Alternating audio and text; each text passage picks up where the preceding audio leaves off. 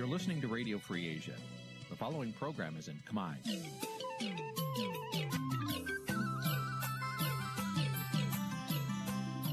នេះជាកម្មវិធីផ្សាយ Vuthu Azizi Serai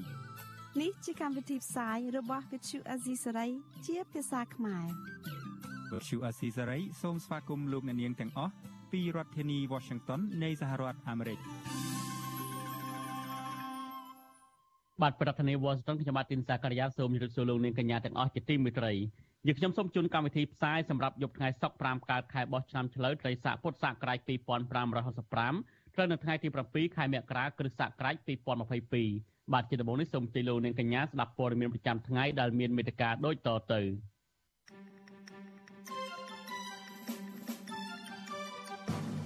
លោកសំរងស៊ីថាគណៈបកកណ្ដាលអំណាចមិនធ្វើពិធីរំលឹកគុណវៀតណាមថ្ងៃ7មករាឆ្នាំនេះព្រោះមានដំណោះផ្ទៃក្នុង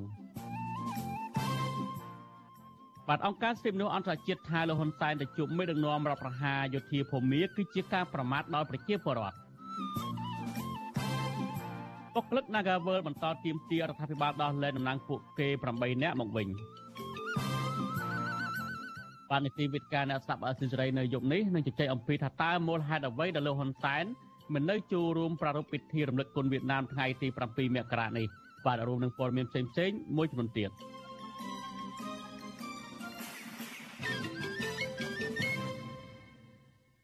បាទលោកនាយកទីមេត្រីជាបន្តទៅនេះខ្ញុំបាទសូមជូនព័ត៌មានពិស្ដាអង្គការសិទ្ធិមនុស្សអន្តរជាតិថាដំណើរទស្សនកិច្ចដែលអដោយឯកតោភាគីរបស់លោកនាយរដ្ឋមន្ត្រីហ៊ុនសែន ទៅជួបមេដឹកនាំរដ្ឋប្រហារនៅមីយ៉ាន់ម៉ាឬភូមាអាចបំផ្លាញដល់ការជឿជាក់របស់អាស៊ានក្នុងការសម្រោះសម្រួលវិបត្តិនិងស្វែងរកដំណោះស្រាយនយោបាយនៅភូមា ការលើកឡើងនេះនៅស្របពេលលោកហ៊ុនសែនបានទៅដល់ទីក្រុងណៃពីដោថ្ងៃ7មករានេះដោយបានជួបមេដឹកនាំរដ្ឋប្រហារយោធាលោកមានអងលៀងដោយការក្រុងទុកបាទសូមលោកនាងរងចាំស្ដាប់សេចក្តីរាយការណ៍នេះពិស្ដានៅនៅពេលបន្តិចទៀតនេះ thank you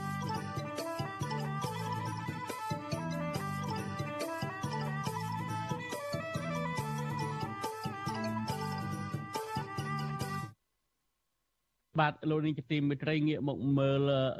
ថ្ងៃទី7មករាដែលជាខួបលើកទី43នៃដែលគណៈបកប្រជាជនកម្ពុជាថាជាថ្ងៃជ័យជំនះដែលរំដោះប្រទេសកម្ពុជាចេញពីរបបប៉ុលពតវិញយើងឃើញថាលោកហ៊ុនសែនមិនបាននៅចូលរួមក្នុងពិធីដ៏នៅក្នុងមិនបានចូលរួមប្រារព្ធពិធីជាអធិកអធមដោយជាលើកមុនមុនទេ បញ្ហានេះលោកសំរងស៊ីថាគណៈបកកណ្ដាលអំណាចមិនធ្វើពិធីអបអររំលឹកគុណវៀតណាមថ្ងៃ7មករាឆ្នាំនេះព្រោះតែគណៈបកនេះមានទំនាស់ផ្ទៃក្នុង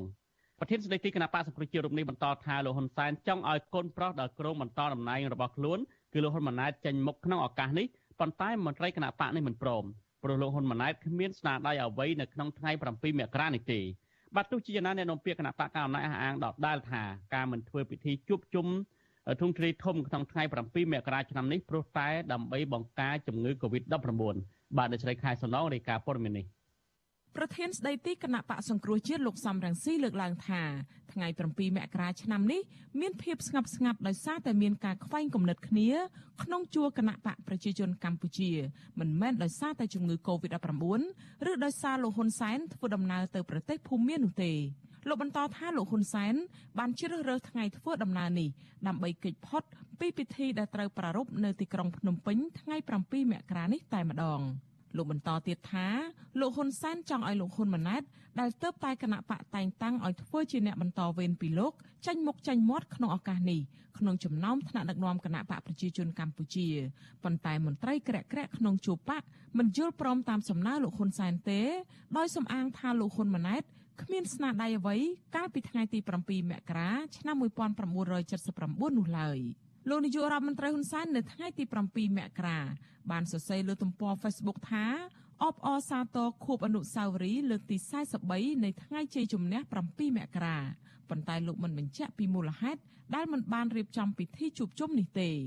ជុំវិញការមិនរៀបចំពិធីជួបជុំធំដុំក្នុងឆ្នាំនេះអ្នកនាំពាក្យគណៈបកប្រជាជនកម្ពុជាលោកសុកអេសាន ឲ្យវិទ្យុអាស៊ីសេរីដឹងថាដើម្បីបង្ការកុំឲ្យមានការរីករាលដាលជំងឺ Covid-19 លោកថាទោះយ៉ាងណាគណៈបកមិនបានធ្វើពិធីជួបជុំទ្រង់ទ្រាយធំនៅទីស្នាក់ការកណ្ដាលក្តីប៉ុន្តែមានការរៀបចំនៅតាមមូលដ្ឋាន និងថ្នាក់ដឹកនាំគណៈបកបានចេញសារដើម្បីអបអរថ្ងៃ7មករាលោកបញ្ជាក់ថាគ្មានការបែកបាក់ផ្ទៃក្នុងបក ហើយក៏មិនចាំបាច់ត្រូវការប្រកាសពីទួលនីតិលោកហ៊ុនម៉ាណែតក្នុងថ្ងៃ7មករានេះដែរព្រោះគណៈបកបានបោះឆ្នោតឲ្យលោកហ៊ុនម៉ាណែតធ្វើជាបេក្ខភាពនាយករដ្ឋមន្ត្រីបំរុងរួចទៅហើយអា នេះគ្រាន់តែជាការនិយាយបំផ្លើសការពិតទី1ហើយទី2ចង់បំបែកបំបាក់ផ្ទៃក្នុងគណៈបកប្រជាជនកម្ពុជាក៏ប៉ុន្តែយើងដឹងហើយថាការមហិច្ឆតាល្បិចកលពឹសពលចង់បំបែកបំបាក់ប្រទេសក្នុងកម្ពុជានេះវាមានតាំងពីជាង40ឆ្នាំហើយហើយជាពិសេសអ្នកដែលចង់បំបែកបំបាក់ប្រទេសក្នុងគណៈបកប្រជាជនកម្ពុជាបានចំនួននឹងបានស្លាប់បាត់ទៅហើយចែកឋានបាត់ទៅហើយក៏គណៈបកប្រជាជនកម្ពុជានៅតែរឹងមាំមានសាមគ្គីភាពផ្ទៃក្នុងរឹងមាំដដែលទេបាទដោយឡែកអ្នកសិក្សាការពិវត្តសង្គមបណ្ឌិតសេងសេរីមិនស្របទៅនឹងការលើកឡើងរបស់អ្នកនាំពាក្យគណៈបកប្រជាជនកម្ពុជា ថាការមិនធ្វើពិធីជួបជុំថ្ងៃ7មករាឆ្នាំនេះព្រោះតែជំងឺ Covid-19 នោះទេ លោកកត់សម្គាល់ថាពេលនេះរដ្ឋាភិបាលបានប្រកាសបើកប្រទេសឡើងវិញជាធម្មតាហើយលោកបន្តទៀតថាថ្មីថ្មីនេះមានការជួបជុំទ្រង់ទ្រាយធំជាច្រើនកម្មវិធីដូចជាពិធីសម្ពោធដោយប្រើប្រាស់វិមានកីឡាដ្ឋាននៃពហុកីឡាដ្ឋានជាតិមរតកតេជោនិងសន្និបាតគណៈកម្មាធិការកណ្ដាលរបស់គណៈបកប្រជាជនកម្ពុជា ដែលមានមនុស្សរាប់ពាន់នាក់ចូលរួម លោកយល់ថាការមិនធ្វើពិធីជួបជុំទ្រង់ទ្រាយធំ អាចមានហេតុផលផ្សេងឬជាការបង្ហាញថាគណៈបកប្រជាជនកម្ពុជា កំពុងងាកចេញពីវៀតណាម ដែលប្រទេសជិតខាងមួយនេះបានជួយគណៈបកប្រជាជនកម្ពុជារហូតបង្កើតបានថ្ងៃ7មករាឆ្នាំ1979 យើងឃើញថាហេតុផលដែលគណៈប្រជាជនលើកឡើងហ្នឹងគឺមិនសមហេតុផលទេក៏ប៉ុន្តែយើងមិនដឹងថាមូលហេតុអីពិតប្រាកដទេក៏ប៉ុន្តែខ្ញុំមានខ្ញុំមានសមត្ថកម្មមួយថាប្រហែលជា7មករាឬក៏សារអរគុណទិវា7មករាឬក៏ជាកំណើតទី2ហ្នឹងវាហាក់ដូចជាលែងមានប្រសិទ្ធភាពនៅក្នុងបរិបទសង្គមខ្មែរជាពិសេសនៅក្នុងបច្ចុប្បន្នដែលសម្បូរទៅដោយយុវជនណាហើយយើងឃើញថាតាំងពីភាសិតអរគុណសន្តិភាពចេញមកហ្នឹងគឺថ្ងៃ7មករាហាក់ដូចជារៀងសាបគណៈបកប្រជាជនកម្ពុជាបានចាត់ទុកថ្ងៃ7មករាជាថ្ងៃសំខាន់របស់ខ្លួននិងបានហៅថ្ងៃនេះថាជាថ្ងៃកំណើតទី2ដែលប្រទេសកម្ពុជាត្រូវបានសង្គ្រោះនិងរំដោះចេញផុតពីរបបកម្ពុជាប្រជាធិបតេយ្យដែលដឹកនាំដោយប៉ុលពតគណៈបកនេះតែងតែរៀបចំប្រារព្ធពិធីមីតិញអបអររំលឹកខួបថ្ងៃ7មករាជាទ្រង់ទ្រាយធំដោយមានអ្នកចូលរួមរាប់ម៉ឺននាក់នៅទីស្នាក់ការកណ្ដាលរបស់ខ្លួន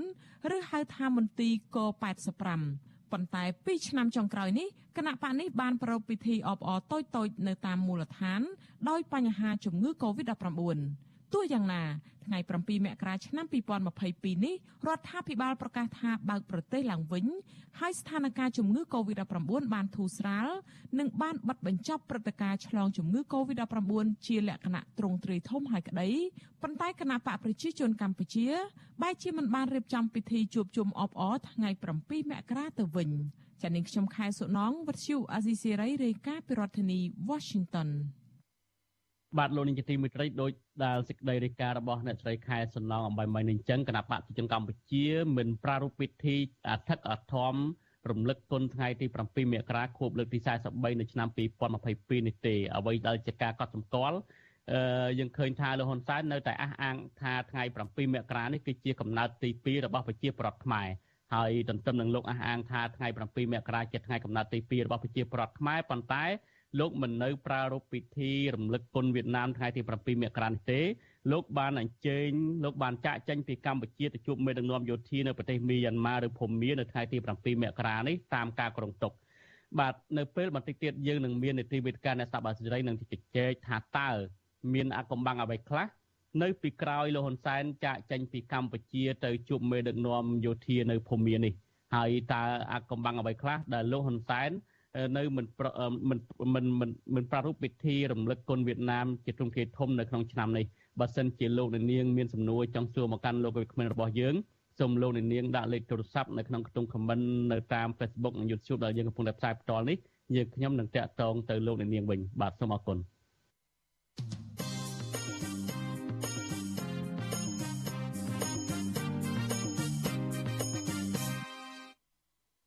បាទលោកនាងជាទីមេត្រីនៅមុនពេលលោកនាងនឹងបានស្ដាប់សេចក្តីរាយការណ៍អំពីដំណើរទស្សនកិច្ចរបស់លោកហ៊ុនសែនទៅកាន់ប្រទេសភូមាឬមីយ៉ាន់ម៉ានេះសូមលោកនាងងាកមកទស្សនាឬក៏ស្ដាប់សេចក្តីរាយការណ៍របស់អ្នកស្រីម៉ៅសុធីនីដែលនិយាយអំពីក្រសួងការងារអំពីនីវបុគ្គលិក Nagavel ទៅចូលរួមផ្ទៀងផ្ទាត់អឺ ប្រាក់សំណងបញ្ចប់កិច្ចសន្យាការងារឡើងវិញនៅអគ្គលេខាធិការដ្ឋាននៃគណៈកម្មការសម្រាប់ដោះស្រាយបញ្ហាកោតកម្មគ្រប់មុខសញ្ញាប៉ុន្តែក្រុមកោតក្រប្រមាណជា300នាក់បន្តបដិសេធមិនទទួលយកដំណោះស្រាយនេះទេពួកគេទាមទារឲ្យក្រសួងការងារនិងក្រុមហ៊ុន Nagavel ដោះលែងតំណែងពួកគេ8នាក់មកវិញដើម្បីបន្តការចរចាដំណោះស្រាយសារជាថ្មីបាទសូមស្ដាប់សេចក្តីរាយការណ៍របស់អ្នកស្រីម៉ៅសុធានី មន្ត្រីក្រសួងការងារជាច្រើនអ្នកបានធ្វើដំណើរទៅដល់ទីតាំងធ្វើកោតកម្មរបស់ក្រុមកម្មករ Nagavel នៅផ្លូវកែងស្ថានទូតអូស្ត្រាលី ដើម្បីប្រកាសសេចក្តីជូនដំណឹងដល់អតីតបុគ្គលិក Nagavel ឲ្យទៅទទួលយកសំណងត្រឹមត្រូវតាមច្បាប់ស្តីពីការងារឡើងវិញក្រោយពីក្រុមហ៊ុន បានទូទាត់ប្រាក់សំណងឲ្យពួកគាត់មិនបានត្រឹមត្រូវកន្លងមក។ គណៈមន្ត្រីក្រសួងការងារប្រកាសដំណឹងនេះ3ដងក្រុមកម្មករ Nagawal ដែលភាគច្រើនជាស្ត្រី បានបង្ហាញកាយវិការមិនពេញចិត្តនឹងដំណោះស្រាយនេះទេពួកគាត់នាំគ្នាឈរបែកខ្នងដាក់មន្ត្រីក្រសួងការងារឲ្យស្រែកទាមទារឲ្យអាជ្ញាធរក្រសួងការងារនិងក្រុមហ៊ុន Nagawal ដោះលែងតំណែងពួកគេ8នាក់ ឲ្យមានត្រីភាពឡើងវិញដើម្បីចូលតុចរចាដោះស្រាយបញ្ចប់វិវាទការងារនេះជំនួសពួកគាត់ពីថ្ងៃ7មករាឆ្នាំ2022ចុចមកប្រកាសចូលតុចរចាតើសួរថាដំណាងខ្ញុំនៅឯណាយ៉ាងណា បុគ្គលិកម្នាក់នៃក្រុមហ៊ុន Nagawal កញ្ញានុបតិតបូរាវីថ្លែងថាពួកគាត់មិនអាចទទួលការដោះស្រាយបានទេខណៈដែលតំណាងសហជីព8នាក់កំពុងជាប់ឃុំក្នុងពន្ធនាគារយ៉ាងអយុត្តិធម៌កញ្ញាទៀមទាឲ្យអាជ្ញាធរដោះលែងតំណាងកម្មករ8នាក់មកវិញពីព្រោះកម្មករទាំងអស់បានផ្ដល់សិទ្ធិឲ្យពួកគាត់ចេញមុខចរចាដើម្បីរកដំណោះស្រាយការងារជូនពួកគាត់ ខ្ញុំយល់ថារឿងហ្នឹងមានតែក្រសួងជាអ្នកបកស្រាយខ្លួនឯងផ្ទាល់ពីព្រោះដោយសារពីមុនមានតំណាងពួកខ្ញុំមានពួកខ្ញុំឲ្យមានតំណាងទៅចរចាហេតុអីបានជាក្រសួងមិនព្រមទូទាត់សំណងនិងរៀបចំតាមផ្លូវច្បាប់ហ្នឹងទៅហេតុដល់ដំណាក់កាលដែលពេលចាប់ខាងតំណាងរបស់ពួកខ្ញុំហើយស្រាប់តែបានមករៀបចំទូទាត់លុយសំណងអញ្ចឹងមានអារម្មណ៍ថាវាប្រៀបដូចជាឆាកលខោនៅកំពង់លេងដែរហ្នឹងហើយពួកខ្ញុំមិនអាចទទួលយកបានទេពីព្រោះពួកខ្ញុំក៏ត្រូវការមានតំណាងខ្ញុំទៅចរចានេះចេតនានេះមានន័យថាចង់រំលាយសហជីពចេញពីក្រុមហ៊ុន Nagavel ហ្មងវត្ថុអសីស្រីមិនអាចសុំការឆ្លើយតបរឿងនេះពីអគ្គលេខាធិការរងនៃអគ្គលេខាធិការដ្ឋាននៃគណៈកម្មការសម្រាប់ដោះស្រាយបញ្ហាកុតកម្មគ្រប់មុខសញ្ញាហើយជាអ្នកនាំពាក្យរបស់ក្រសួងកាងារគឺលោកទេស រុក្ខផលបានទេនៅថ្ងៃទី7ខែមករានេះដោយសារតែហៅទូរស័ព្ទចូលជាច្រើនដងតែពុំមានអ្នកទទួល។ តាក់ទងរឿងនេះក្រមសហជីពនិងសមាគមឯករាជ្យដែលធ្វើការក្នុងវិស័យការងារនៅកម្ពុជារួមគ្នាធ្វើសន្និសីទកាសែតនៅកន្លែងធ្វើកតកម្មនេះដើម្បីបង្ហាញចំហសាមគ្គីភាព ចូលរួមគ្រប់គ្រងនិងធ្វើយុទ្ធនាការទៀមទាឲ្យមានការដោះលែងថ្នាក់ដឹកនាំនិងសកម្មជនសហជីព8នាក់ឲ្យមានត្រីភាពឡើងវិញ។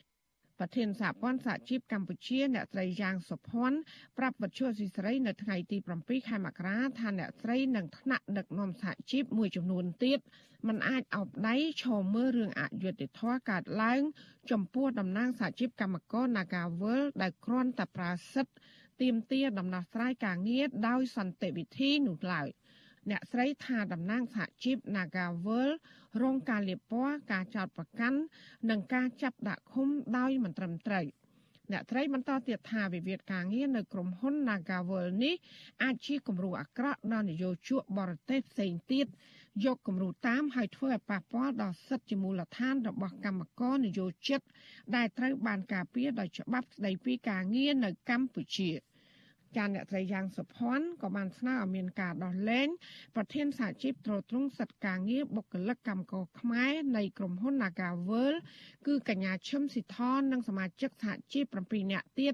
ដើម្បីឲ្យពួកគេវិលចូលតុចរចាដោះស្រាយបញ្ចប់វិវាទការងារនេះដែលបានអូសបន្លាយជាង9ខែមកហើយ។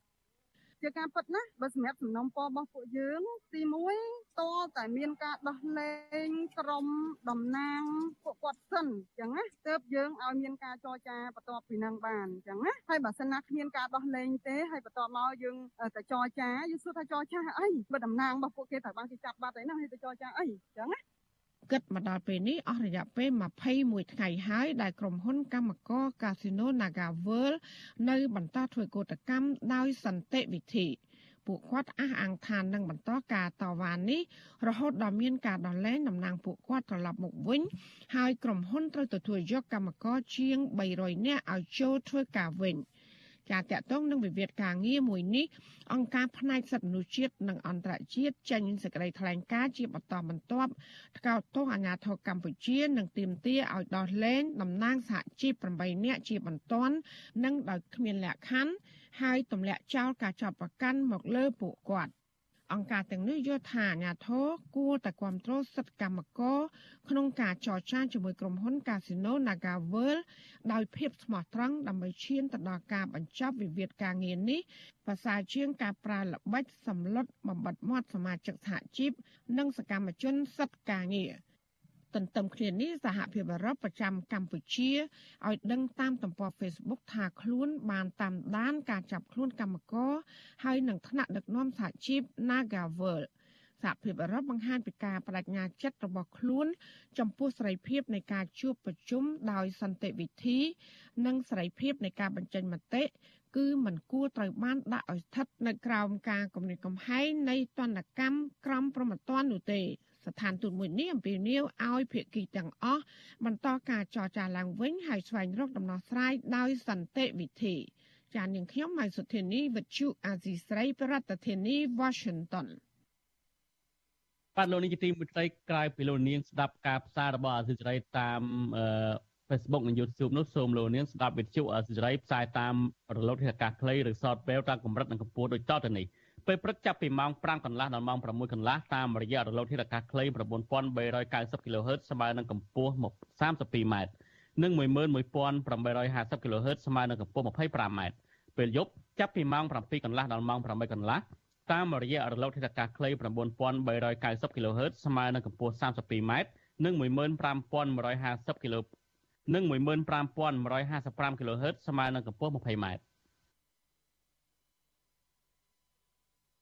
បាទលោកនាងជាទីមេត្រីអង្គការសិទ្ធិមនុស្សអន្តរជាតិថាដំណើរទស្សនកិច្ចដល់អាកេតោភាគីរបស់លោកហ៊ុនសែនទៅជួបមេដឹកនាំរដ្ឋប្រហារនៅមីយ៉ាន់ម៉ាឬភូមាអាចបំផ្លាញដល់រឿងអាចបំផ្លាញដល់ការជឿជាក់របស់អាស៊ានក្នុងការសម្រុះសម្រួលវិបត្តិនិងស្វែងរកដំណោះស្រាយនយោបាយនៅភូមាការលើកឡើងនេះឆ្លុះពេលលោកហ៊ុនសែនបានទៅដល់ទីក្រុងណៃពីដោថ្ងៃទី7មករានេះដោយបានជួបដឹកមេដឹកនាំរដ្ឋប្រហារយោធាភូមាលោកមីនអងលៀងដោយការក្រុងទុក បាទសូមលោកនាងស្ដាប់សេចក្តីរាយការណ៍របស់លោកសេកបណ្ឌិតអំពីរឿងនេះដូចតទៅនាយករងអង្គការឃ្លាំមើលសិទ្ធិមនុស្សអន្តរជាតិ Human Rights Watch ប្រចាំតំបន់អាស៊ីលោក Phil Robertson ថាការសម្រេចចិត្តដោយឯកតោភាគី របស់លោកនាយករដ្ឋមន្ត្រីហ៊ុនសែនក្នុងឋានៈប្រធានបដូវវេនអាស៊ាន ទៅជួបជាមួយនឹងមេដឹកនាំយោធាភូមាលោកមីនអ៊ុងលៀងនោះគឺជាការប្រមាថមើលងាយចំពោះពលរដ្ឋមីយ៉ាន់ម៉ាដែលប្រឆាំងយ៉ាងខ្លាំងក្លា ចំពោះដំណើរទស្សនកិច្ចនេះ។ លោក Phil Robertson ថ្លែងនៅក្នុងសេចក្តីថ្លែងការណ៍ចេញនៅថ្ងៃសុក្រទី7ខែមករាថាអង្គើអាត្មានិយមរបស់លោកហ៊ុនសែនបង្ហាញថាលោកចាប់អារម្មណ៍ក្នុងការកសាងគេដំណើរផ្ទាល់ខ្លួន ជាជាងស្ដាប់ពលរដ្ឋមីយ៉ាន់ម៉ាដែលកំពុងទៀមទាឲ្យមេដឹកនាំអាស៊ានជួបជាមួយនឹងមេដឹកនាំដែលជាប់ឆ្នោតកាលពីខែវិច្ឆិកាឆ្នាំ2020ជាមួយគ្នានេះ លោកហ៊ុនសែនជាមេដឹកនាំបរទេសដំបូងគេទៅកាន់ប្រទេសមីយ៉ាន់ម៉ាដើម្បីជួបជាមួយមេដឹកនាំយោធាលោកមីនអងលៀងចាប់តាំងពីមានរដ្ឋប្រហារបដូររំលំរដ្ឋាភិបាលជាប់ឆ្នោតរបស់អ្នកស្រីអ៊ុងសានស៊ូជីកាលពីថ្ងៃទី1ខែមករាឆ្នាំ2021ហើយកំពុងធ្វើឲ្យមានគំរូមិនល្អនៅការសម្រេចចិត្តដែលគ្មានលក្ខខណ្ឌជាមុនចំពោះមេដឹកនាំរបបយោធាដែលបានសម្លាប់រង្គាល និងឧក្រិដ្ឋកម្មប្រឆាំងមនុស្សជាតិហើយប្រការនេះបានធ្វើឲ្យខូចទឹកចិត្តអ្នកដែលតស៊ូដើម្បីស្ដារការពារសិទ្ធិមនុស្សនិងលទ្ធិប្រជាធិបតេយ្យនៅប្រទេសមីយ៉ាន់ម៉ាលោកនាយករដ្ឋមន្ត្រីហ៊ុនសែននៅថ្ងៃសុក្រទី7ខែមករាបានទៅដល់ទីក្រុងណៃពីដោប្រទេសមីយ៉ាន់ម៉ាហើយត្រូវបានទទួលស្វាគមន៍ដោយរដ្ឋមន្ត្រីការបរទេសយោធាភូមាលោកវូនណាមួងបន្ទាប់មកនៅរសៀលថ្ងៃដដែលនោះ លោកបានជួបជាមួយនឹងមេដឹកនាំយោធាភូមាលោកមីនអងលៀងដោយមិនបានបញ្ជាក់លម្អិតអំពីជំនួបនោះទេលោក Phil Robertson ថ្លែងថាសកម្មភាពរបស់លោកហ៊ុនសែនប្រហែលជាមានផលវិបាកយ៉ាងធំសម្រាប់អាស៊ាន ចាប់តាំងពីការចរចាភាគីម្ខាង របស់លោកជាមួយនឹងរបបយោធា ដែលអាចបំផ្លាញដល់មូលដ្ឋាននៃការជឿជាក់របស់អាស៊ាន ក្នុងការសម្រុះសម្រួលវិបត្តិនិងស្វែងរកដំណោះស្រាយនយោបាយលើសពីនេះ គោលការណ៍ភាពជាកណ្ដាលរបស់អាស៊ានក្នុងការឆ្លើយតបជាមួយនឹងអន្តរជាតិចំពោះអ្វីដែលកំពុងកើតមានឡើងនៅក្នុងប្រទេសមីយ៉ាន់ម៉ាដែលត្រូវបានស្ថិតនៅក្នុងហានិភ័យដោយសារដំណើរទស្សនកិច្ចដែលមិនមានលក្ខណៈច្បាស់លាស់នេះលោកយល់ថាអាស៊ាន និងទូតអង្គដទៃទៀតគួរតែដឹងនៅពេលនេះថារបបយោធាភូមាមិនមានចេតនាពិតប្រាកដក្នុងការអនុលោមតាមមតិឯកភាព5ចំណុចរបស់អាស៊ាន ហើយអាស៊ាន មិនមានមធ្យោបាយគ្រប់គ្រាន់ដើម្បីដោះស្រាយវិបត្តិនេះទេដំណើរទស្សនកិច្ចឯកតោភាគីរបស់លោកហ៊ុនសែននឹងមិនអាចទទួលបានដំណោះស្រាយជាពិសេសបើគាត់មិនជួបនិងពិភាក្សាជាមួយតំណាងរាស្ត្រជាប់ឆ្នោតកាលពីខែវិច្ឆិកាឆ្នាំ2020ដូចជារដ្ឋាភិបាលរួបរวมជាតិជាដើមសេចក្តីថ្លែងការណ៍គូសបញ្ជាក់ថាប្រជាជនមីយ៉ាន់ម៉ាចង់ឲ្យលទ្ធិប្រជាធិបតេយ្យការគោរពសិទ្ធិរបស់ពួកគេត្រូវបានស្ដារឡើងវិញ ហើយពួកគេមិនទទួលយកផ្លូវកាត់ណាមួយ ដែលចេញពីលោកហ៊ុនសែនហើយប្រទេសអាស៊ានចំនួន8ផ្សេងទៀតគួរតែទៀមទាជាសាធារណៈនៅការពន្យល់ពីលោកហ៊ុនសែនហើយបញ្ជាក់ឲ្យច្បាស់ថារដ្ឋភាគីនៃអាស៊ានអនុគ្រោះដល់វិធីសាស្ត្រដែលទៀមទាការចរចាជាមួយគ្រប់ភាគីនៃចំនួនរបស់មីយ៉ាន់ម៉ាមិនមែនតែមេដឹកនាំយោធារដ្ឋប្រហារ ដែលមិនអាចកាត់បន្ថយបាននៃចំនួនជាបន្តបន្ទាប់ដូចជាអំពើហិង្សានិងការរំលោភសិទ្ធិនោះឡើយខ្ញុំបាទសេកបណ្ឌិតវិទ្យុអាស៊ីសេរីពីរដ្ឋធានីវ៉ាស៊ីនតោនបាទលោកនាយកទីមេត្រីថ្ងៃ7មករាឆ្នាំ2022នេះជាខួបលើកទី43ហើយដល់ថ្ងៃនេះលោកហ៊ុនសែនអះអាងថាជាថ្ងៃកំណើតទី2របស់បរតកម្ពុជាជារៀងរាល់ឆ្នាំគណៈបកប្រជាជនកម្ពុជាតែងតែប្រារព្ធពិធីរំលឹកគុណវៀតណាមយ៉ាងអធិកអធម ប៉ុន្តែថ្ងៃទី7មករាឆ្នាំនេះវិញលោកហ៊ុនសែនមិនបានប្រារព្ធពិធីដឹងគុណវៀតណាមទៀតនោះទេលោកហ៊ុនសែនបានចាក់ចេញពីកម្ពុជាទៅជួបមេដឹកនាំយោធានៅប្រទេសមីយ៉ាន់ម៉ាឬភូមានៅព្រឹកថ្ងៃទី7មករាដោយការក្រុងតុកទៅវិញ។តើមានអត្ថកម្បាំងអ្វីខ្លះដែលលោកហ៊ុនសែនមិននៅចូលរួមប្រារព្ធពិធីរំលឹកគុណវៀតណាមថ្ងៃទី7មករានេះបាទសូមលោកនាងរងចាំទស្សនានីតិវិទ្យាអ្នកស្ដាប់អសិរ័យដែលនឹងជជែកអំពីបញ្ហានេះនៅពេលបន្តិចទៀតនេះ លោកនាងក៏អាចចេញជា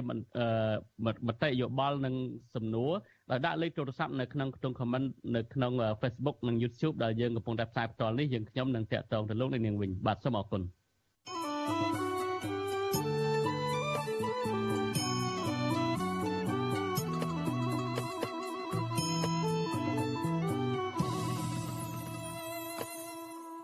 បាទលោកនេះជាទីមេត្រីនៅខេត្តព្រះវិហារឯនៅវិញប្រជាសហគមន៍ការពារព្រៃឈើជាង300គ្រួសាររស់នៅខេត្តព្រះវិហារបន្តអំពាវនាវឲ្យអាជ្ញាធរខេត្តនេះពង្រឹងសមត្ថភាពការពារព្រៃសហគមន៍ភូមិជាអោកឲ្យបានគង់វង្សដើម្បីបម្រើវិស័យទេសចរនិងលើកកម្ពស់ជីវភាពប្រជាពលរដ្ឋក្នុងមូលដ្ឋាន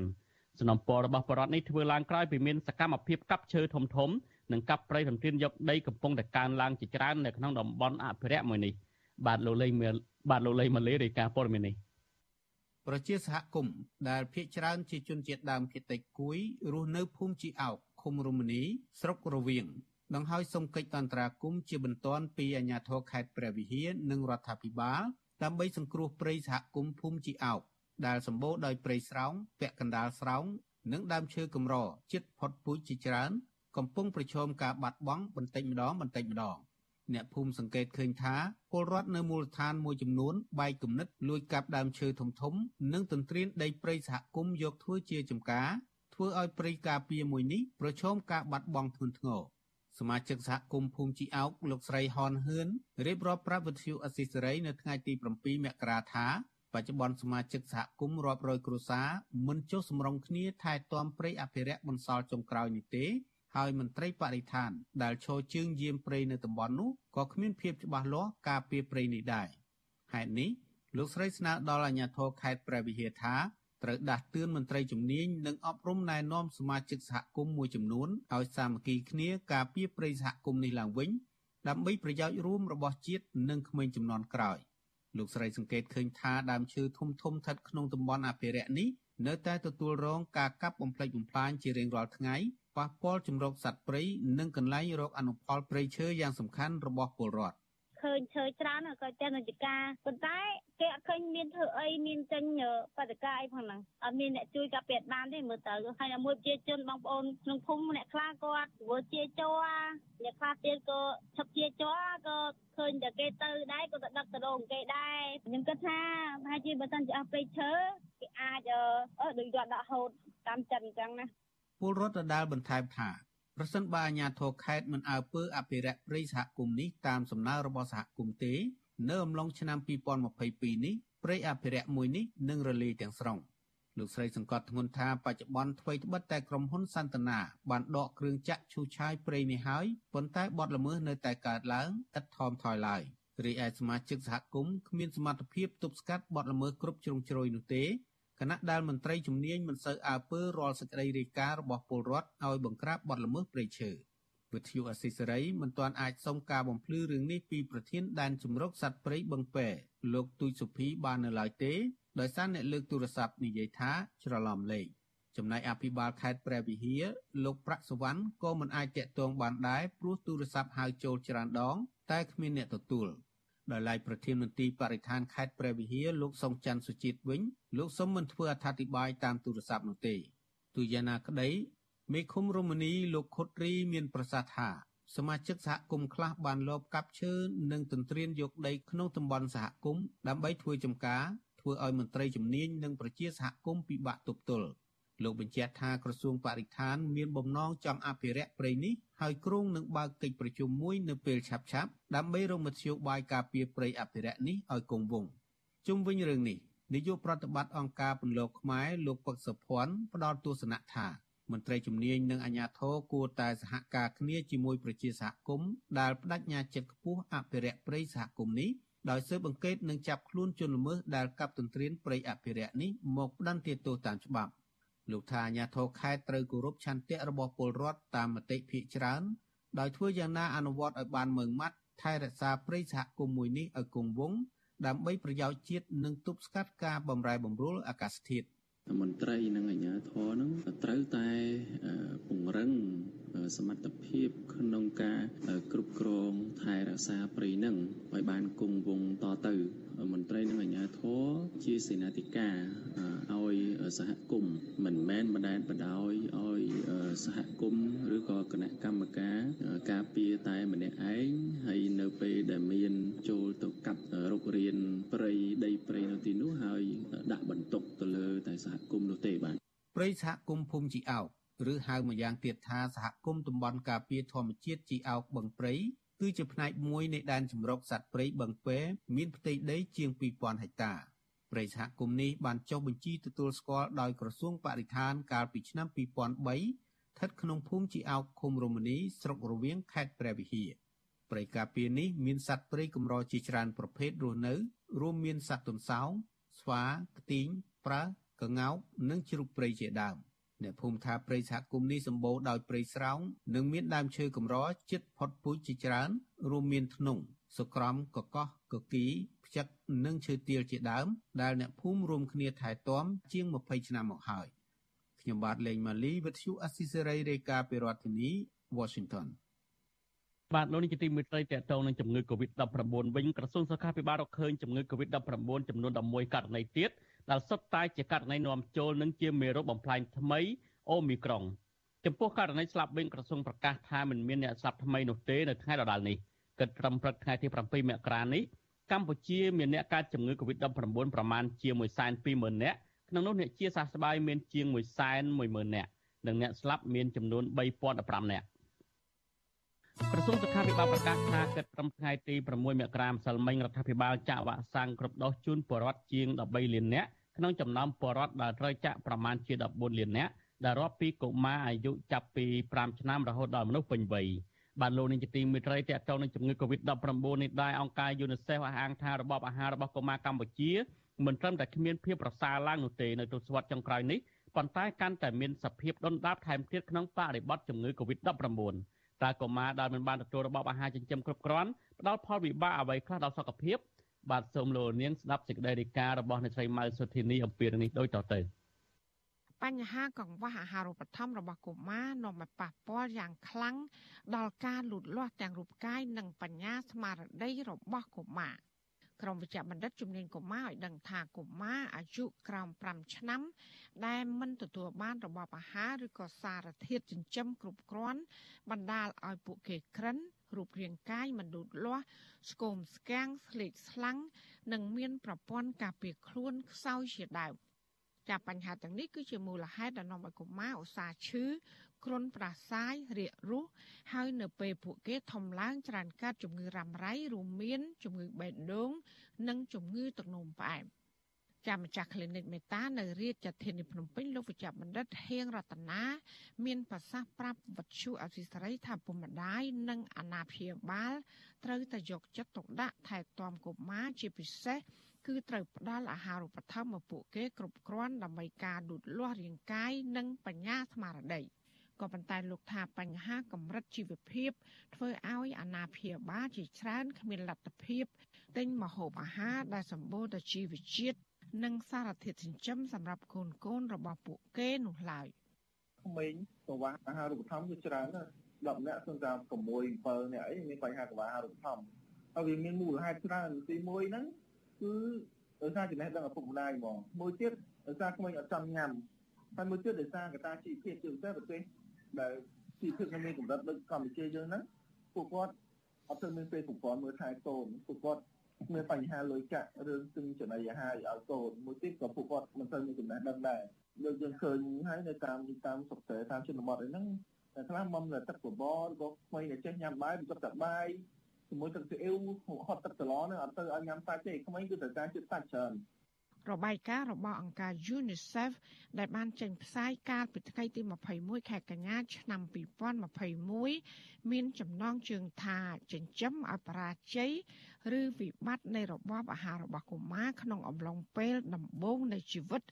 បានបង្ហាញថាការកើនឡើងនៃភាពក្រីក្រ គ្រោះមហន្តរាយដោយសារអាកាសធាតុនិងស្ថានភាពអាសន្នផ្នែកសុខភាពដូចជាការឆ្លងរាតត្បាតសកលនៃជំងឺ Covid-19 កំពុងរួមចំណែកធ្វើឲ្យមានវិបត្តិអាហារូបត្ថម្ភចំពោះមនុស្សវ័យក្មេងមិនបានប្រសើរឡើងទេ នៅរយៈពេល10ឆ្នាំចុងក្រោយនេះ ក៏ប៉ុន្តែស្ថានភាពកង្វះអាហារូបត្ថម្ភរបស់កុមារកាន់តែមានសភាពដុនដាបថែមទៀតរបាយការណ៍ដដែលរកឃើញថានៅប្រទេសកម្ពុជាកុមារម្នាក់ក្នុងចំណោម3នាក់មានបញ្ហាក្រិន និងម្នាក់ក្នុងចំណោម10នាក់មានរាងកាយស្គមស្គាំងការស្រូបយកសារធាតុចិញ្ចឹមមិនបានល្អក្នុងរយៈពេល2ឆ្នាំដំបូង នៃជីវិតរបស់កុមារគឺធ្វើឲ្យអន្តរាយដោយមិនអាចស្រោចស្រង់បានដល់រាងកាយនិងខួរក្បាល ដែលកំពុងលូតលាស់យ៉ាងឆាប់រហ័សរបស់កុមារនៅពេលដែលកុមារចាប់ផ្ដើមបដូរទៅញ៉ាំអាហាររឹងក្នុងចំណោមកុមារ3នាក់គឺមានម្នាក់តែប៉ុណ្ណោះដែលទទួលបានរបបអាហារចម្រុះគ្រប់គ្រាន់គ្រូពេទ្យជំនាញឯកទេសទូទៅលោកវិជ្ជបណ្ឌិតហៀងរតនាបញ្ជាក់ថា អាហារូបត្ថម្ភសម្រាប់ផ្គត់ផ្គង់កុមារចែកចេញជា3ប្រភេទគឺអាហារសាងសង់អាហារធម្មពលនិងអាហារការពារលោកសង្កេតឃើញថាពុកម្ដាយខ្លះនៅពេលដែលកូនចេះញ៉ាំអាហាររឹងច្រើនតែបញ្ចុកបបរសដាក់ទឹកស្អ៊ីវប៉ុណ្ណោះហើយដែលនេះมันអាចមានសារធាតុចិញ្ចឹមគ្រប់គ្រាន់នោះឡើយក្មេងត្រូវការអាហារសាងសង់អាហារសាងសង់នេះសំខាន់នៅក្នុងជាតិសាច់ ចំណែកអាហារការពារនៅក្នុងបន្លែផ្លែឈើអាហារខាំពុលនៅក្នុងពួកអាហារដែលសម្បូរជាតិផ្អែមជាតិម្សៅអញ្ចឹងក្មេងគឺត្រូវការការលូតលាស់ការត្រូវការអាហារសាងសង់អាហារដែលសម្បូរជាតិសាច់អញ្ចឹងនៅពេលដែលគាត់ញ៉ាំជាតិសាច់ឲ្យបានគ្រប់គ្រាន់គឺធ្វើឲ្យគាត់ខ្វះគាត់ឈាមគាត់ខ្វះការលូតលាស់បញ្ញាស្មារតីគូក្បាលគាត់អីហ្នឹងក៏លូតលាស់អត់បានល្អដែរអញ្ចឹងគឺត្រូវញ៉ាំសាច់ឲ្យបានក្មេងមកភពអីទៅមួយថ្ងៃត្រូវការជាតិសាច់មួយខាំអីនោះហើយពួកគាត់ជួយខ្លះមួយថ្ងៃអត់បានញ៉ាំសាច់អីតិចផងអញ្ចឹងគឺ ឃើញពួកគាត់ចាប់ផ្ដើមពីខ្វះគាត់ឈាមជុំខ្លាំងក្បាលទួធំហើយក្មេងហ្នឹងគឺអត់ទៅមានបញ្ញាទេលោកវិជ្ជបណ្ឌិតផ្ដល់ដំណោមានថាក្មេងចាប់ពីអាយុ6ខែឡើងទៅ បន្ថែមពីការបើទឹកដោះគោឬក៏ទឹកដោះម្ដាយត្រូវការឲ្យញ៉ាំបបរកិនដាក់សាច់និងបន្លែគ្រប់មុខបញ្ចុកកូនយ៉ាងតិច3ដងក្នុងមួយថ្ងៃ បន្ថែមពីនេះឪពុកម្ដាយត្រូវយកកូនទៅពិនិត្យសុខភាពរៀងរាល់3ខែម្ដង ដើម្បីពិនិត្យមើលការលូតលាស់របស់វាក្មេងពីកើតមកយើងអាចញ៉ាំបំរទឹកដោះទឹកដោះម្ដាយសុទ្ធឬក៏ទឹកដោះគោបើមិនជាមានបញ្ហាណាមួយឬក៏ម្ដាយអត់មានទឹកដោះយើងអាចញ៉ាំទឹកគោដែលមានសារធាតុចិញ្ចឹមគ្រប់គ្រាន់ឬក៏ញ៉ាំតែទឹកដោះម្ដាយប៉ុន្តែនៅពេលដែលចាប់ពី6ខែទៅទឹកដោះម្ដាយចាប់ផ្ដើមចង្វាក់ជីជាតិហើយសាច់ជីជាតិអត់អត់អាចផ្ដល់សារធាតុគ្រប់គ្រាន់ដើម្បីចិញ្ចឹមកូនចាប់ពី6ខែឡើងទៅទេអញ្ចឹងក្រសួង ឬក៏អង្គការសុខភាពពិភពលោកនឹងណែនាំឲ្យញ៉ាំបបរគ្រប់គ្រឿងដែលមានជាតិសាច់ជាតិបន្លែហើយអាចបន្ថែមផ្លែឈើញ៉ាំក្រៅបានសុខខ្មែរយើងមានឃើញថាពេលក្មេងឡើងធំតិចពួកគាត់ចេះឲ្យចាយលុយទិញនំចំណីប្រេះប្រាស់ចឹងទៅធ្វើក្មេងឡើងគ្លឿនបាយមួយទៀតត្រឡប់អាក្រក់មួយទៀតពួកគាត់ចូលចិត្តឲ្យបើទឹកដោះគោកដាស់ទឹកដោះគោកដាស់ហ្នឹងអត់ទៅមានសារធាតុចិញ្ចឹមទេអត់មានជាតិប្រូតេអ៊ីនវីតាមីនអីគ្រប់គ្រាន់ទេវាសម្បូរទៅជាតិផ្អែមជាតិស្ករការអង្កេតស្រាវជ្រាវមួយនៅកម្ពុជាដែលធ្វើឡើងដោយអង្គការ UNICEF កម្មវិធីស្បៀងអាហារពិភពលោកនិងដៃគូផ្សេងទៀតចាប់ពីខែសីហាឆ្នាំ2020ដល់ខែកក្កដាឆ្នាំ2021បានរកឃើញ ថាប្រជាប្រដ្ឋប្រមាណពី40ទៅ50%កំពុងមានបញ្ហាប្រាក់ចំណូលធ្លាក់ចុះហើយដែលនាំឲ្យពួកគាត់ត្រូវការកាត់បន្ថយការចំណាយទិញម្ហូបអាហារដែលជាហេតុនាំឲ្យប៉ះពាល់ដល់របបអាហាររបស់ពួកគេជាពិសេសគឺកុមារនិងក្មេងជំទង់ បន្ថែមពីនេះការស្រាវជ្រាវក៏បានរកឃើញផងដែរថានៅក្នុងខែកក្កដាឆ្នាំ2021កន្លងមកនេះកុមារនៅកម្ពុជាដែលមានអាយុក្រោម5ឆ្នាំ គឺមានត្រឹមតែ35%ប៉ុណ្ណោះដែលបានញ៉ាំអាហារក្នុងកម្រិតដែលអាចទទួលយកបានជាអបបរមាបញ្ហាកង្វះអាហារូបត្ថម្ភនេះ បណ្ដាលឲ្យប៉ះពាល់ដល់ការសិក្សារៀនសូត្ររបស់កុមារប៉ះពាល់ដល់សមត្ថភាពធ្វើការងារលទ្ធភាពប្រកបមុខរបរនិងអនាគតទាំងស្រុងរបស់ពួកគេនៅពេលដែលពួកគេធំពេញវ័យចាននាងខ្ញុំម៉ៃសុធានីវិទ្យុអាស៊ីសេរីប្រធានាធិបតី Washington បាទលោកនាយកទីមេត្រីលោកនេះទៅបានស្ដាប់ព័ត៌មានប្រចាំថ្ងៃរបស់អាស៊ីសេរីដែលរៀបរៀងដោយខ្ញុំបាទទីនសាការីយ៉ាប្រធានាធិបតី Washington សូមលោកនេះរងចាំទស្សនានីតិវិទ្យានៃស្ដាប់អាស៊ីសេរីនៅពេលបន្តិចទៀតនេះ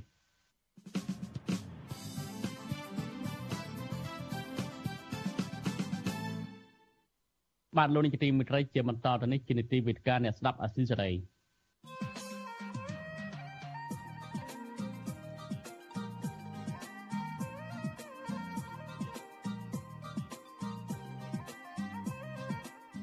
ការអ្នកស្ដាប់វិទ្យុអាស៊ីសេរី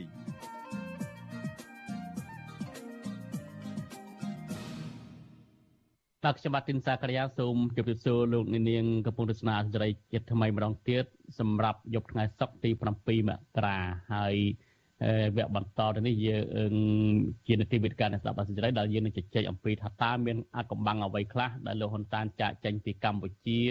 ទៅភូមាដែលមិនបានចូលរួមប្រារព្ធពិធីរំលឹកគុណវៀតណាមថ្ងៃទី7មករានោះហើយវាគ្មិនដែលចូលរួមពិភាក្សារបស់យើងនៅពេលនេះយើងមានពីររូបគឺ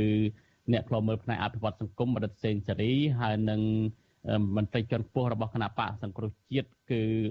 អាយដាមអ៊ុំសំអានខ្ញុំបាទសូមជម្រាបសួរលោកទាំងពីរជម្រាបសួរបាទបាទសូមជម្រាបលោក ជំរាបសួរលោកទីនសាករយាសូមជំរាបសួរលោកមនិតសេនស៊េរីហើយសូមជំរាបសួរបងប្អូនខ្មែរទាំងក្នុងនិងក្រៅប្រទេសផងដែរបាទ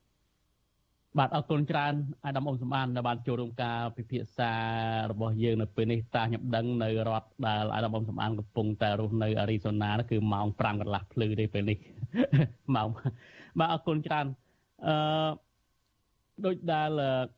យើងបានស្ដាប់សេចក្តីរាយការណ៍អំបញ្ញមិញនៅក្នុងការផ្សាយរបស់យើងនេះហើយថាថ្ងៃនេះគឺជាថ្ងៃដែលមហាលរិទ្ធដែលគណៈបកប្រជាជនកម្ពុជាតែចាត់ទុកថាជាថ្ងៃដែលធ្វើឲ្យប្រជាជនកម្ពុជារស់ឡើងវិញមានជីវិតទី2អីចឹងជាដើមហើយយើងឃើញថាគណៈបកប្រជាជនកម្ពុជាមិនបានប្រារព្ធពិធីអបអរសាទរខួបលើកទី43ថ្ងៃ7មករានេះជាអធិកធមទេ គឺធ្វើតាមទីស្នាក់ការជាលក្ខណៈតូចតាចតែប៉ុណ្ណោះនៅថ្ងៃនេះប៉ុន្តែជាការកត់សម្គាល់យើងឃើញថាលោកហ៊ុនសែនដែលជាប្រធានគណៈបកប្រជាជនកម្ពុជាហើយដែលលោកអះអាងថាលោកជាអ្នកដែលចូលរួមរំដោះប្រជាប្រដ្ឋកម្ពុជាហើយមានកងទ័ពវៀតណាមជួយអីហ្នឹងគឺលោកមិនបានប្រារព្ធពិធីរំលឹកគុណវៀតណាមទេនៅក្នុងឆ្នាំ2022នេះប៉ុន្តែនៅមុនពេលពេលដែលលោកដែល ចាកចេញពីកម្ពុជាទៅភូមាលោកបានចេញសារលិខិតមួយដែលលោកអះអាងថាថ្ងៃ7មករាជាថ្ងៃកំណើតទី2របស់ប្រដ្ឋខ្មែរហើយលោកអះអាងទៀតថាថ្ងៃនេះជាថ្ងៃដែលធ្វើឲ្យកម្ពុជាមានសន្តិភាពការបង្រួមរំជាតិនេះជាសច្ចធម៌ប្រវត្តិសាស្ត្របាទបើទោះបីជាយ៉ាងនេះក្តីលោកសំរងស៊ីដែលជាប្រធានស្ដីទីគណៈបកសង្គ្រោះជាតិនឹងបានអះអាងថាមូលហេតុដែលគណៈបកប្រជាជនកម្ពុជាមិនប្រារព្ធពិធីរំលឹកខួបថ្ងៃទី7មករានោះដោយសារតែ គណៈបកប្រជាជនកម្ពុជាមានការបែកបាក់ផ្ទៃក្នុងហើយបញ្ហានេះអ្នកនាំពាក្យរបស់គណៈបកប្រជាជនកម្ពុជាគឺលោកសុកអេសានអះអាងថា ការដែលមិនប្រារព្ធពិធីធំដុំនៅថ្ងៃនេះគឺដោយដើម្បីបង្ការជំងឺ Covid-19 សូមលោកវិក្កាមទាំងពីរហើយនឹងលោកនាងស្ដាប់ប្រសាសន៍របស់លោកសុកអេសានអះអាងអំពីបញ្ហានេះបន្តិចសិនបាទសូមចេញមានអ្វីក្រៅពីការពារនៃការរាតត្បាតនៃជំងឺ Covid-19 ទេ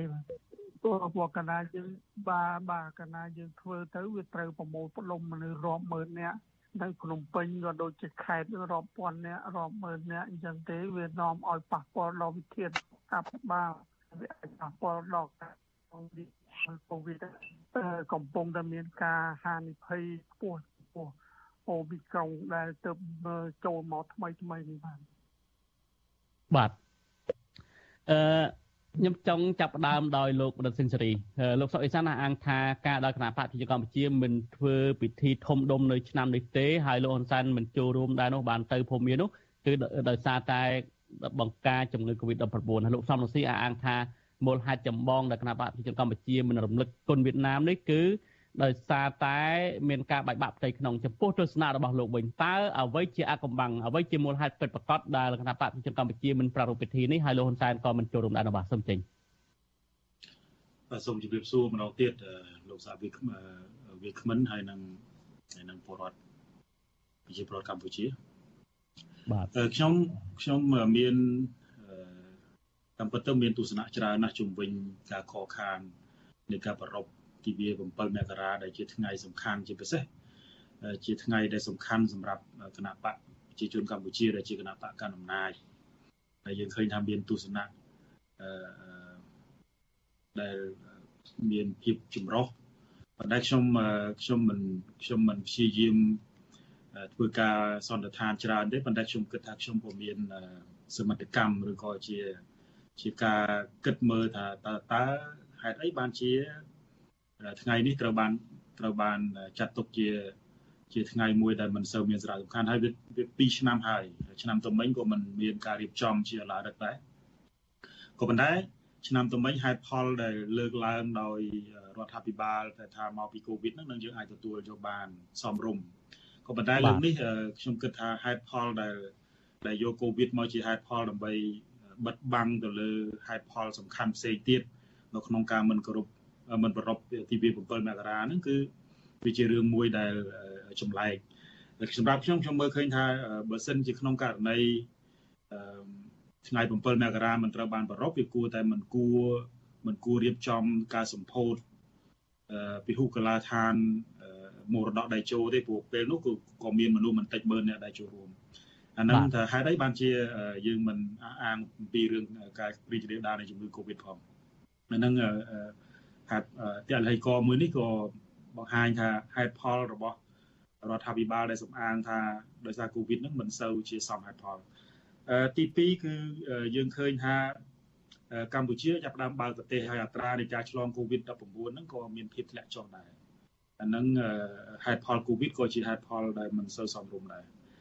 ទី3យើងឃើញថាសមាជគណៈកម្មការកណ្ដាលគណៈបព្វជិជនធ្វើឡើងថ្មីថ្មីចុងឆ្នាំមិញនេះគឺ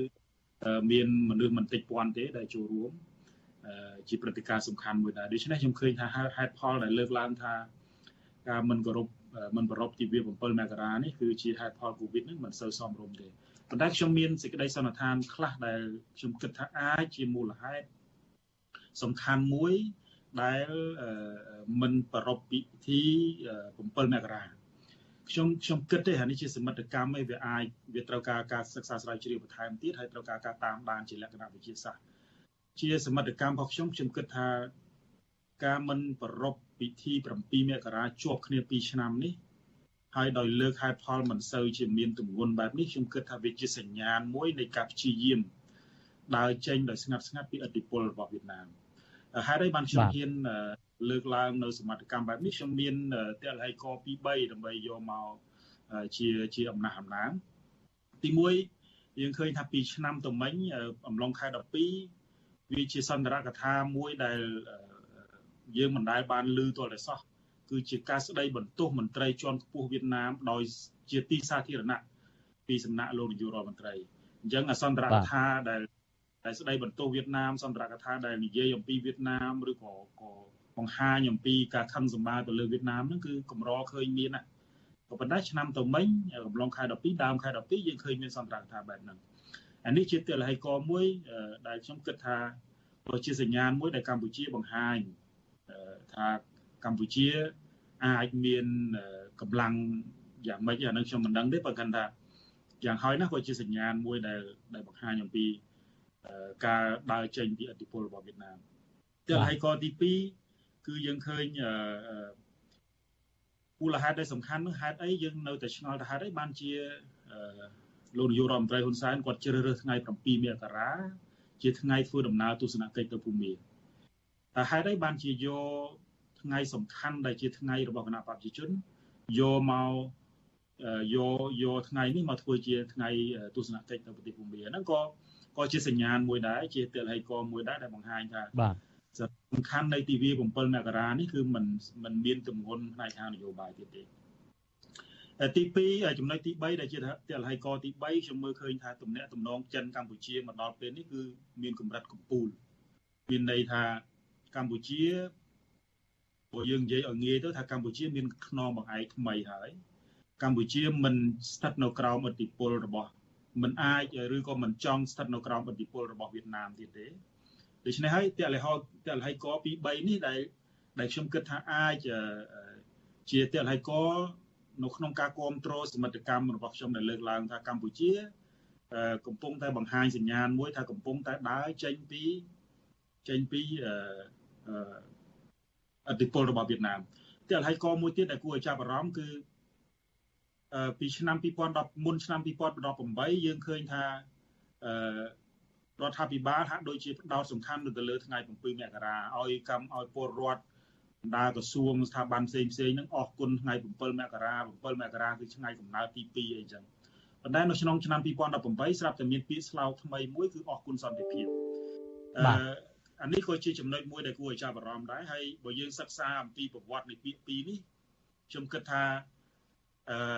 7មករាគឺជាសម្បត្តិសមរភាពមានន័យថាមិនមែនជា មិនមែនជា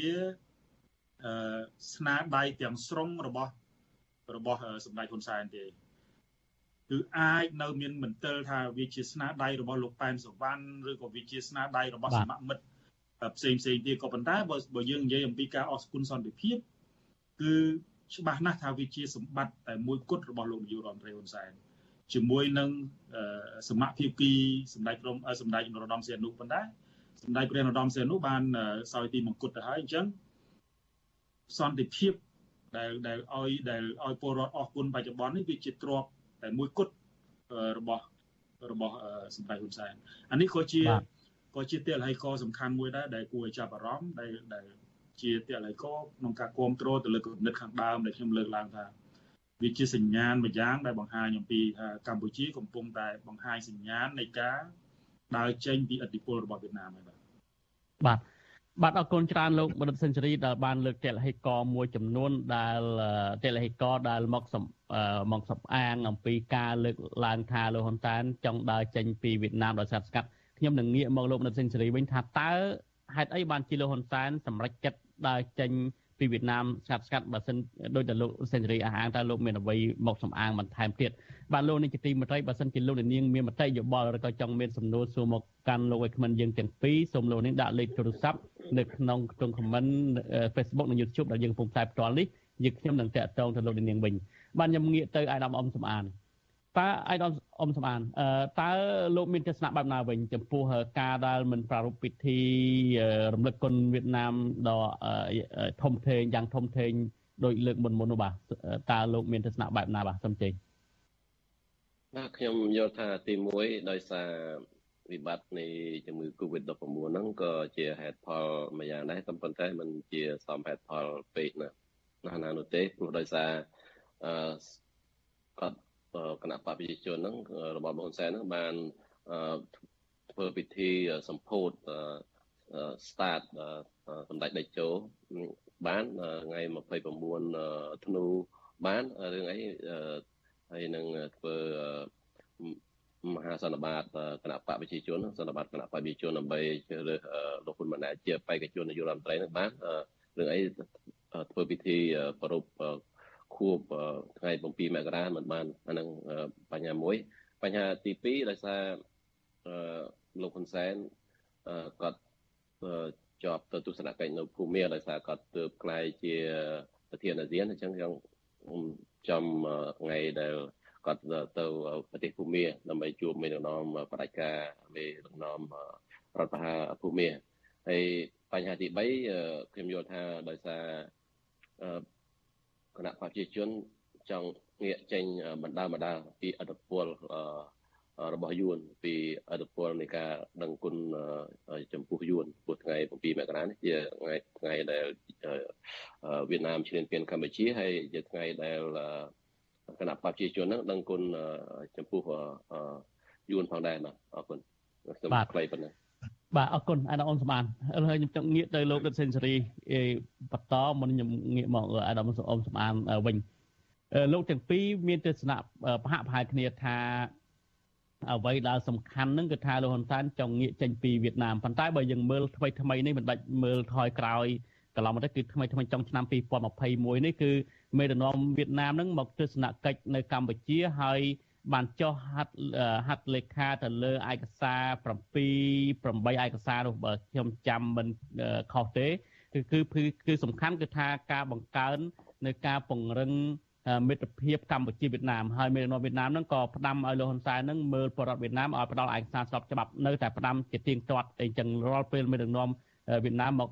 ទស្សនកិច្ចនៅកម្ពុជាអ្វីដែលសំខាន់មួយទៀតហ្នឹងគឺមេដឹកនាំវៀតណាមហ្នឹងទៅពិសាអាហារពេលព្រឹកនៅឯផ្ទះលោកហ៊ុនសែនថែមទៀត មុននឹងលោកបានកោះប្រជុំនៅគណៈបកសន្និបាតគណៈបកប្រជាកម្ពុជា បានដាក់លោកហ៊ុនម៉ាណែតជាបេក្ខភាពនាយករដ្ឋមន្ត្រីអីចឹងជាដើមលោកដិនសេនស៊ូរីតើអ្វីជាហេតុផលពិតប្រាកដដែលលោកអះអាងថាលោកហ៊ុនសែនចង់ងាកចេញដើរចេញពីវៀតណាមនោះបាទបើយើងសិក្សាអំពីកម្លាំងឬក៏យើងសិក្សាអំពីឥទ្ធិពលរបស់វៀតណាមនៅកម្ពុជាវៀតណាមបើធៀបជាមួយចិនណាខ្ញុំលើកតែពីប្រទេសទេ ដោយសាររាល់ថ្ងៃនេះយើងឃើញថាសំបីតែមហាជនសំបីអ្នកស្រាវជ្រាវឬក៏អ្នកនយោបាយហ្នឹងតែតែលើកឡើងថាជាអាយ៉ងយួនអាយ៉ងចិនអីចឹងឥឡូវខ្ញុំព្យាយាមបញ្យល់ថាហេតុអីបានជាយើងមានទស្សនៈបែបហ្នឹងអឺថាយើងនឹងជានៅជាអាយ៉ងរបស់យួនអាយ៉ងរបស់វៀតចិនចឹងហេតុផលបើយើងមើលអធិពលវៀតណាមមកលើកម្ពុជា យើងមានអធិពលពីរធំអធិពលទី1គឺអធិពលផ្នែកខាងនយោបាយអធិពលទី 2ផ្នែកខាងសេដ្ឋកិច្ចហើយនិងអធិពលទី3សំទោសមាន3អធិពលធំធំ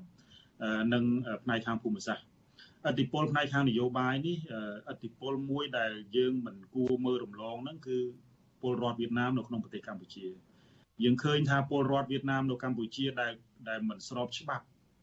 មិនមានអត្តសញ្ញាណត្រឹមត្រូវមិនអាចបោះឆ្នោតបាន មានតែមួយចំនួនទេក៏ប៉ុន្តែអ្នកដែលមាន អត្តសញ្ញាណប័ណ្ណកម្ពុជាអាចបោះឆ្នោតបានមានសិទ្ធិដូចដោយពលរដ្ឋកម្ពុជាយើងអត់ដឹងពិតប្រាកដថាមានប៉ុណ្ណាទេហើយខ្ញុំគិតថាកម្លាំងនេះមិនតូចប្រមាណទេអានេះ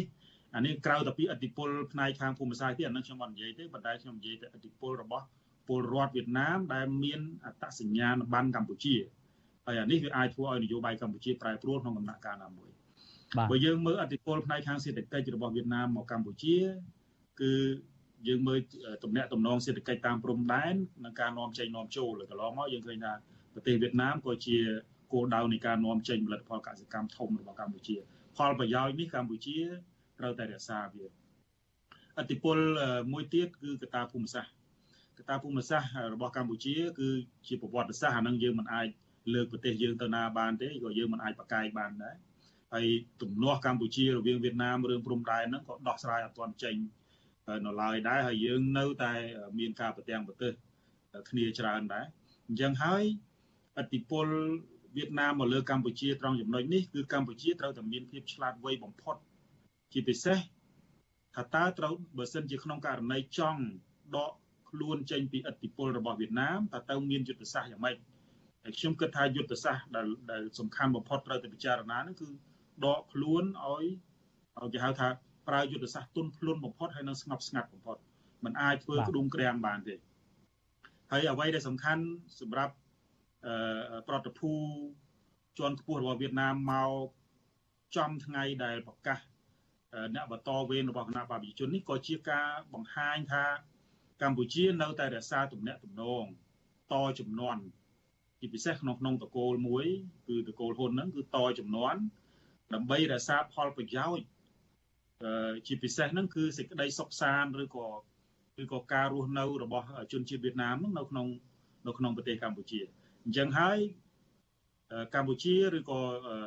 រដ្ឋាភិបាលដែលដឹកនាំនៅគណៈប្រជាជននឹងត្រូវតែធ្វើម៉េចឲ្យវៀតណាមអំឡុងពេលដែលមានការផ្លាស់ប្ដូរព្រោះយើងដឹងថានៅពេលដែលមានការផ្លាស់ប្ដូរមេដឹកនាំវាជាដំណាក់កាលដែល sensitive មានន័យថាជាដំណាក់កាលដែលផុយស្រួយអញ្ចឹងហើយត្រូវតែបង្ហាញឲ្យច្បាស់អំពីអ្នកដែលមានអធិបុល នៅជុំវិញប្រទេសកម្ពុជាហើយបើយើងមើលចិនក៏មានរឿងដែលដែលដែលដែលរដ្ឋាភិបាលត្រូវតែបង្ហាញខ្លួនអ្នកដកបន្តវេននៃដូចជាអំឡុងពេលមានកូវីដរីករីករាលដាលអញ្ចឹងគឺមានការណែនាំអ្នកបន្តវេនអី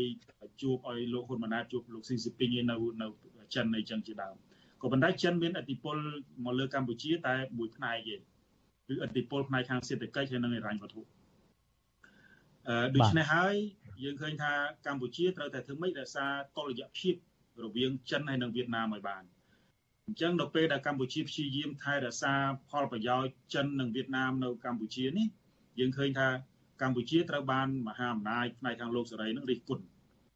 រហូតទៅដល់មានការចោទប្រកាន់ឬក៏មានមន្ទិលសង្ស័យថាមានមូលដ្ឋានទ័ពចិននៅក្នុងប្រទេសកម្ពុជាជាដើម ដូច្នេះហើយខ្ញុំគិតថាអាការធ្វើតុល្យភាពរវាងទំនាក់ទំនងឬក៏ផលប្រយោជន៍ជាប្រពៃណីរវាងកម្ពុជាវៀតណាមនេះអានេះនៅតែរក្សាដដែលក៏ប៉ុន្តែទន្ទឹមនឹងហ្នឹងមួយជំហានម្ដងមួយជំហានម្ដងកម្ពុជាបង្ហាញសញ្ញាណបន្តិចម្ដងបន្តិចម្ដងនៅក្នុងការដកខ្លួនចេញពីអធិបុលរបស់វៀតណាមដើម្បីលាងជំរះមន្ទិលសង្ស័យជាប្រវត្តិសាស្ត្រដែលតែងតែលើកឡើងថារដ្ឋាភិបាលបច្ចុប្បន្ននេះជារដ្ឋាភិបាលអាយ៉ង ជារដ្ឋាភិបាលដែលលើកបន្ទប់អីចឹងទៅអញ្ចឹងខ្ញុំគិតថាឥឡូវនេះគណៈប្រជាជនកំពុងតែប្រើប្រាស់យុទ្ធសាស្ត្រដកថយជាពិសេសដកថយពីអធិបុលវៀតណាមដើម្បីបញ្ជាក់ឲ្យច្បាស់ថាគណៈប្រជាជនមិនទទួលអធិបុលពីការលើកបន្ទប់ឬក៏ជាគណៈបកដែលជាអាយ៉ងទេនេះជាជាជាសេចក្តីសន្និដ្ឋានហើយរឿងវាត្រូវការការស្រាវជ្រាវបន្ថែមទៀតដើម្បីធានាទៅលើអាការលើកឡើងរបស់ខ្ញុំបាទបាទ អរគុណច្រើនលោកដិតសេនស៊ូរីបាទលោកនេះជាទីមេត្រីលោកនេះដែលកំពុងតែស្ដាប់ការផ្សាយរបស់យើងតាមវិទ្យុនិងមិនលឺការផ្សាយរបស់យើងទៀតទេតែចំពោះលោកនេះដែលកំពុងទស្សនាតាម Facebook YouTube សូមអញ្ជើញលោកនេះបន្តទស្សនាជាមួយយើងខ្ញុំបន្តទៀតយើងនឹងពិភាក្សាកិច្ចពិភាក្សានេះរហូតដល់ម៉ោង9បាទខ្ញុំនឹងសួរលោកដិតសេនស៊ូរីដែលលោកលើកឡើងថាលោកហ៊ុនសែនចង់លៀងមន្ទិលសង្ស័យថាអឺ គណៈបព្វជិជនកម្ពុជារបស់លោកឬក៏លោកហ៊ុនសែននឹងជាអាយ៉ងរបស់វៀតណាមដែលហើយឥឡូវនេះគឺចង់ចាក់ចេញពីពីវៀតណាមដោយស្ងាត់ស្កាត់បញ្ចាក់ចេញដោយបន្តិចម្ដងបន្តិចម្ដងប៉ុន្តែអ្វីដែលសំខាន់មួយទៀតនោះយើងមើលឃើញថាគណៈបកប្រជាជនកម្ពុជារបស់លោកហ៊ុនសែនក៏បង្កើតឡើងដោយអឺអតីតមេដឹកនាំវៀតណាមដែលគឺឈ្មោះដើមគឺគណៈបកប្រជាជនកម្ពុជាបដិវត្តប្រជាជនកម្ពុជាដែលបង្កើតឡើងនៅឆ្នាំ1951នោះយើងឃើញថាប្រវត្តិដើមឫសគល់មកគឺមកពីវៀតណាមទាំងអស់ហើយ តើអាចទៅរួចទេថាដែលលោកអះអាងថាដែលចាក់ចេញពីលោកហ៊ុនសែនចង់ចាក់ចេញពីវៀតណាមនោះខ្ញុំនឹងងាកមកលោកដិតសេនស៊ូរីហើយឆ្លើយនឹងសំណួរនេះវិញហើយប៉ុន្តែឥឡូវយើងមានអ្នកស្ដាប់យើងមួយរូបគឺឈ្មោះសុភ័ក្រសូមអញ្ជើញបាទលោកសុភ័ក្របាទជំរាបសួរអឺលោកមានទាំងពីរបាទហើយហើយនឹងវិទ្យុអស៊ីសេរីអឺខ្ញុំមានសំណួរចង់ថាហេតុអីបានតែទឹកខ្មែរយើងត្រូវតែស្ថិតនៅក្រោមឥទ្ធិពលប្រទេសជិតខាងឬក៏ប្រទេសផ្សេងផ្សេងអញ្ចឹងបាទ ខ្ញុំមានសំណួរតែប៉ុណ្្នឹងឯងបាទអរគុណច្រើនបាទបាទលោកអ៊ំសំអានអ្វីដែលជាមូលហេតុចម្បងកម្ពុជាត្រូវតែនៅក្រោមឥទ្ធិពលរបស់វៀតណាមឬក៏ឥទ្ធិពលរបស់ចិនបាទបាទកម្ពុជាយើងនៅក្រមឥទ្ធិពលរបស់វៀតណាមឬចិនដើម្បីការពារអំណាចរបស់គេគឺលោកហ៊ុនសែនក៏ស្ថិត ក្រមឥទ្ធិពលរបស់វៀតណាមហ្នឹងដោយសារវៀតណាមបានលើបន្ទប់លោកហ៊ុនសែនតាំងពីទសវត្សរ៍ទី80មកដូច្នេះចង់មិនចង់គាត់ត្រូវតែពឹងពាក់វៀតណាមដើម្បីដឹកនាំប្រទេសកម្ពុជាតទៅទៀតហើយនឹងសម្របសម្រួលបញ្ហាប្រទេសក្នុងគណៈបកប្រជាជនហើយអត្តពលរបស់ចិនដូចគ្នាដែរដើម្បីការពារអំណាចរបស់គាត់ព្រោះចិនជាអ្នកជាមហាអំណាចធំមួយនៅលើពិភពលោកដូច្នេះចិនអាច ការពារអំណាចផ្ដាច់ការរបស់គាត់នៅលើឆាកអន្តរជាតិហើយនឹងមកផ្ដល់ជំនួយហើយនឹងកម្ចីមកដល់កម្ពុជាផងដែរដើម្បីអភិវឌ្ឍប្រទេសបាទអរគុណបាទអា